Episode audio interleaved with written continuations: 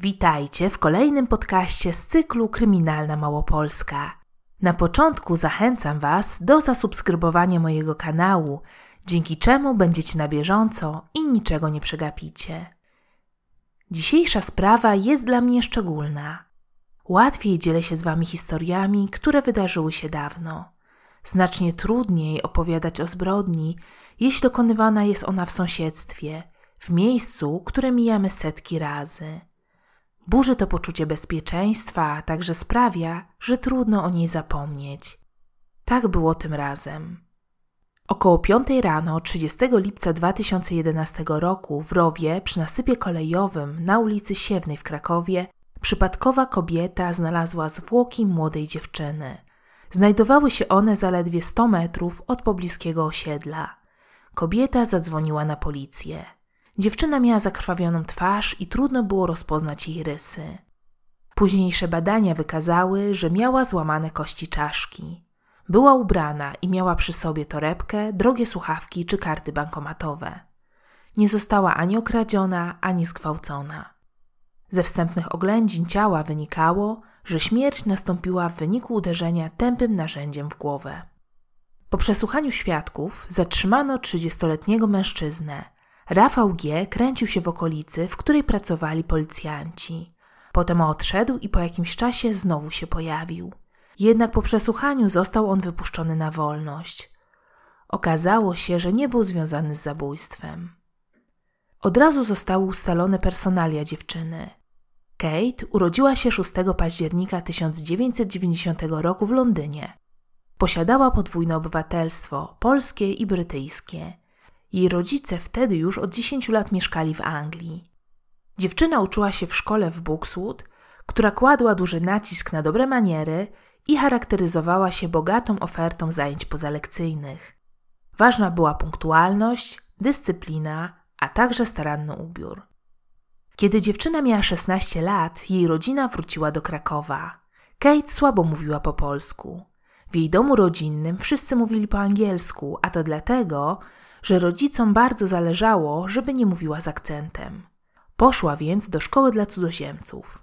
Od dzieciństwa jeździła konno i na nartach. Rodzice kupili jej konia wyścigowego, a Kate wygrywała na klaczy Scarlett konkursy skoków. Po zdaniu matury dostała się na historię sztuki na Uniwersytecie Jagiellońskim, gdzie studiowała przez niecały rok. Na własną prośbę została skreślona z listy studentów. Mimo dwuletniego pobytu w Polsce nadal miała problemy z językiem. Postanowiła więc przenieść się na Uniwersytet Kent w Canterbury. Jej rodzina również wróciła do Anglii. Tam Kate skończyła dwa lata historii i filozofii sztuki. Jej wykładowca ocenił ją jako zdolną i lubianą studentkę. Wróżył jej karierę dziennikarską. W Polsce miała wielu znajomych. Dlatego to właśnie w Krakowie odbywała praktyki wakacyjne w Muzeum Narodowym i w Galerii Zderzak przy Floriańskiej. Wkrótce miała je skończyć. Jej szefowe z obu miejsc opisały ją jako dziewczynę ambitną, która lubiła swoją pracę. W chwili morderstwa miała 21 lat.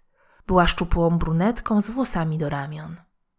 Policja intensywnie pracowała nad znalezieniem sprawcy i motywu. Próbowała ustalić, co poprzedniego dnia robiła Kate. Szybko okazało się, że w piątkowy wieczór 29 lipca 2011 roku dziewczyna bawiła się ze znajomymi w centrum miasta, a potem na domówce na ulicy Karmelickiej w sąsiedztwie teatru Bagatela. Po północy udała się do mieszkania, które użyczał jej kuzyn. Mieściło się ono na osiedlu Mozarta, przy ulicy Siewnej. Musiała więc dostać się z centrum na północ miasta. Przyjaciele chcieli ją odwieźć, ale odmówiła.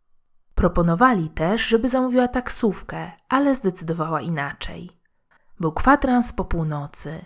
Wtedy ślad się urwał. Do mieszkania nigdy nie dotarła. Policja przesłuchała osoby, z którymi dziewczyna bawiła się poprzedniej nocy. Wszyscy mieli alibi. Widzieli ją po raz ostatni, kiedy wychodziła z imprezy. W sobotę z dziewczyną bezskutecznie próbował skontaktować się jej chłopak oraz szefowa z galerii. Śledczy mieli nie lada zadanie. Musieli odtworzyć drogę dziewczyny do mieszkania i odkryć, co się działo w tym czasie. Przesłuchali mieszkańców okolicznych bloków, których balkony wychodziły na miejsce zbrodni. Jeden z nich zeznał, że obudził go o czwartej nad ranem przeraźliwy krzyk kobiety. Ponieważ usłyszał go tylko raz, poszedł spać. Tak, dobrze słyszycie. Nie zainteresował się tym, co działo się na zewnątrz budynku. Zeznania pozostałych osób nie wniosły niczego nowego do śledztwa. Dopiero analiza rozkładów nocnych autobusów sprawiła, że sprawa ruszyła z miejsca. Ustalono bowiem, że dziewczyna wracała autobusem nocnym linii 610. Wtedy też policja wpadła na trop kierowcy Mirosława Eł.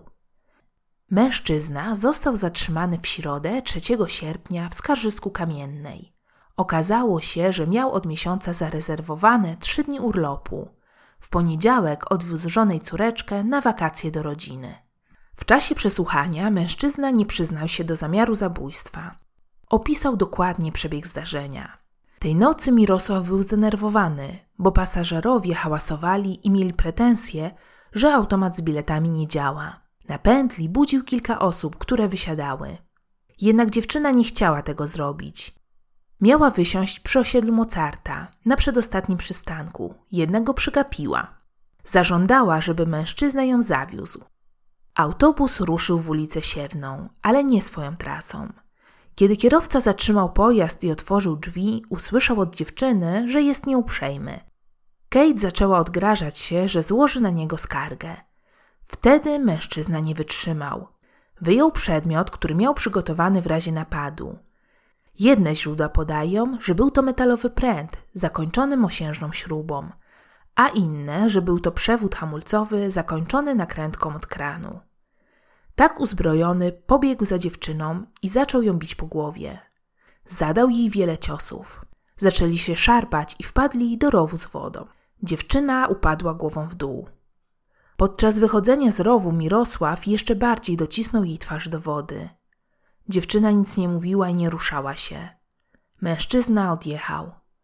Po zbrodni odbył jeszcze trzy kursy.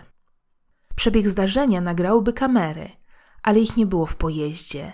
Jeden z autobusów był w serwisie i dlatego na trasę wyjechał inny, bez kamer. Mirosław podkreślał, że nie miał zamiaru zabić. Nie potrafił jednak wytłumaczyć, dlaczego to zrobił. Przyznał, że ofiara nie zasłużyła na śmierć. Żałował tego, co się stało. Usłyszał zarzut zabójstwa.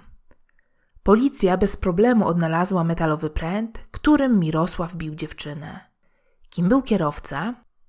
44-letni Mirosław Eł w chwili popełnienia morderstwa miał żonę i pięcioletnią córkę. Od ponad sześciu lat pracował w krakowskim MPK jako kierowca autobusu. Jeździł przede wszystkim na liniach nocnych. W tej pracy stykał się z osobami pijanymi i awanturującymi się. Dla wielu kierowców jest to źródło dużego stresu. Na mężczyznę złożono dwie skargi: na to, że nie zatrzymał się na przystanku na żądanie, oraz na to, że w czasie jazdy trzymał w dłoni komórkę. Sąsiedzi Mirosława nie mogli uwierzyć w to, co się stało. Mirosław pozytywnie przeszedł testy wymagane przez Miejskie Przedsiębiorstwo Komunikacyjne. Na testach psychologicznych odpada blisko 30% kandydatów. To dużo. Trzeba jednak pamiętać, że emocji nie można ani w pełni zbadać, ani w 100% kontrolować. Po śmierci Kate, Miejskie Przedsiębiorstwo Komunikacyjne planowało zaostrzyć kryteria naboru dla kierowców autobusów MPK. Wcześniej musieli oni przejść testy zdrowotne, sprawnościowe, badanie wzroku i słuchu, jak również musieli być niekarani. Jeśli byli pracownikami etatowymi, składali tylko oświadczenie, że nie mieli konfliktu z prawem. Natomiast osoby, które świadczyły usługi dla MPK jako jednoosobowe firmy, musiały wykazać się świadectwem niekaralności z Centralnego Rejestru Skazanych. Po zabójstwie Kate władze MPK deklarowały, że taki dokument będzie wymagany od wszystkich kandydatów na kierowców. W kartotekach policji była sporządzona notatka, z której wynikało, że Mirosław Eł znęcał się nad swoją żoną. Nie był on jednak skazany za żadne przestępstwo. Sprawdziłam na stronie MPK obecne wymagania dla kierowców i nie ma tam informacji, że w procesie rekrutacji wymagane jest zaświadczenie o niekaralności. Tego dnia Mirosław był mocno zestresowany, a ten stan narastał. Po wymianie zdań z dziewczyną przestał nad sobą panować. Oddalił się z miejsca zbrodni, nie oglądając się za siebie i nie myśląc, co dzieje się z dziewczyną. Prokuratura postawiła kierowcy zarzut zabójstwa. Przede wszystkim dlatego, że Kate od jego uderzeń straciła przytomność, a do tego zostawił ją w rowie z wodą. Jak się później okazało, utopiła się. Prokuratura była przekonana, że kierowca działał z zamiarem ewentualnym, co znaczy, że godził się z możliwością śmierci ofiary. Mężczyzna przyznał się do pobicia i do pozostawienia dziewczyny w rowie, jednak nie do zabójstwa. Proces kierowcy rozpoczął się 24 kwietnia 2012 roku. Biegli nie zakwestionowali jego poczytalności, przede wszystkim dlatego, że zostawił nieprzytomną kobietę z twarzą w rowie pełnym wody, a potem zacierał ślady. Musiał więc mieć świadomość, że dziewczyna może umrzeć. Jej los był mu obojętny. Wyrzucił narzędzie przestępstwa i zakrwawione ubrania. Prokurator Małgorzata Kazanowska w swojej mowie końcowej zaznaczyła, że Mirosław swoim działaniem spowodował cierpienie dwóch rodzin Kate i swojej. Mężczyzna próbował usprawiedliwiać się problemami finansowymi, spłatą kredytu mieszkaniowego i stresującą pracą. Działanie Mirosława doprowadziło do zachwiania społecznego zaufania do kierowców miejskiej komunikacji. Oskarżyciel posiłkowy Liliana Bujak-Wołek podważała skruchę oskarżonego, a także nie wierzyła w szczere przeprosiny skierowane do rodziny ofiary. W jej opinii zeznania sprawcy dotyczące przebiegu całego zajścia nie były prawidłowe. Najprawdopodobniej miały one bardziej dynamiczny charakter. Świadczyło o tym m.in. to, że oskarżony zgubił w rowie zegarek, zaś Kate miała w rękach trawę i ziemię. Mecenas Robert Kubicki twierdził z kolei, że jego klient nie chciał nikogo zabić. Gdyby tak było, użyłby noża, który miał w plecaku. Wspomniał też o wzburzeniu kierowcy po słowach dziewczyny, która ostro zareagowała, kiedy Mirosław Eł powiedział jej, by wysiadła, bo dojechała na ostatni przystanek. Podobno krzyczała, że powinien się uczyć i że jest kompletnym zerem. Adwokat wnosił o zmianę kwalifikacji czynu na taką, za którą groziła kara do 12 lat więzienia. Ostatecznie mężczyzna został skazany na 15 lat więzienia i musiał też zapłacić 100 tysięcy złotych odszkodowania rodzinie zamordowanej. Mnie najbardziej bulwersuje powód, dla którego zginęła dziewczyna. Kłótnia z kierowcą doprowadziła do śmierci. Jestem ciekawa, co wy o tej sprawie sądzicie. To wszystko, co przygotowałam dla was na dzisiaj. Jeśli chcecie, żebym nagrywała inne historie, dajcie łapkę w górę i subskrybujcie mój kanał. Pod filmem zamieszczam Wam źródła, z których m.in. korzystałam.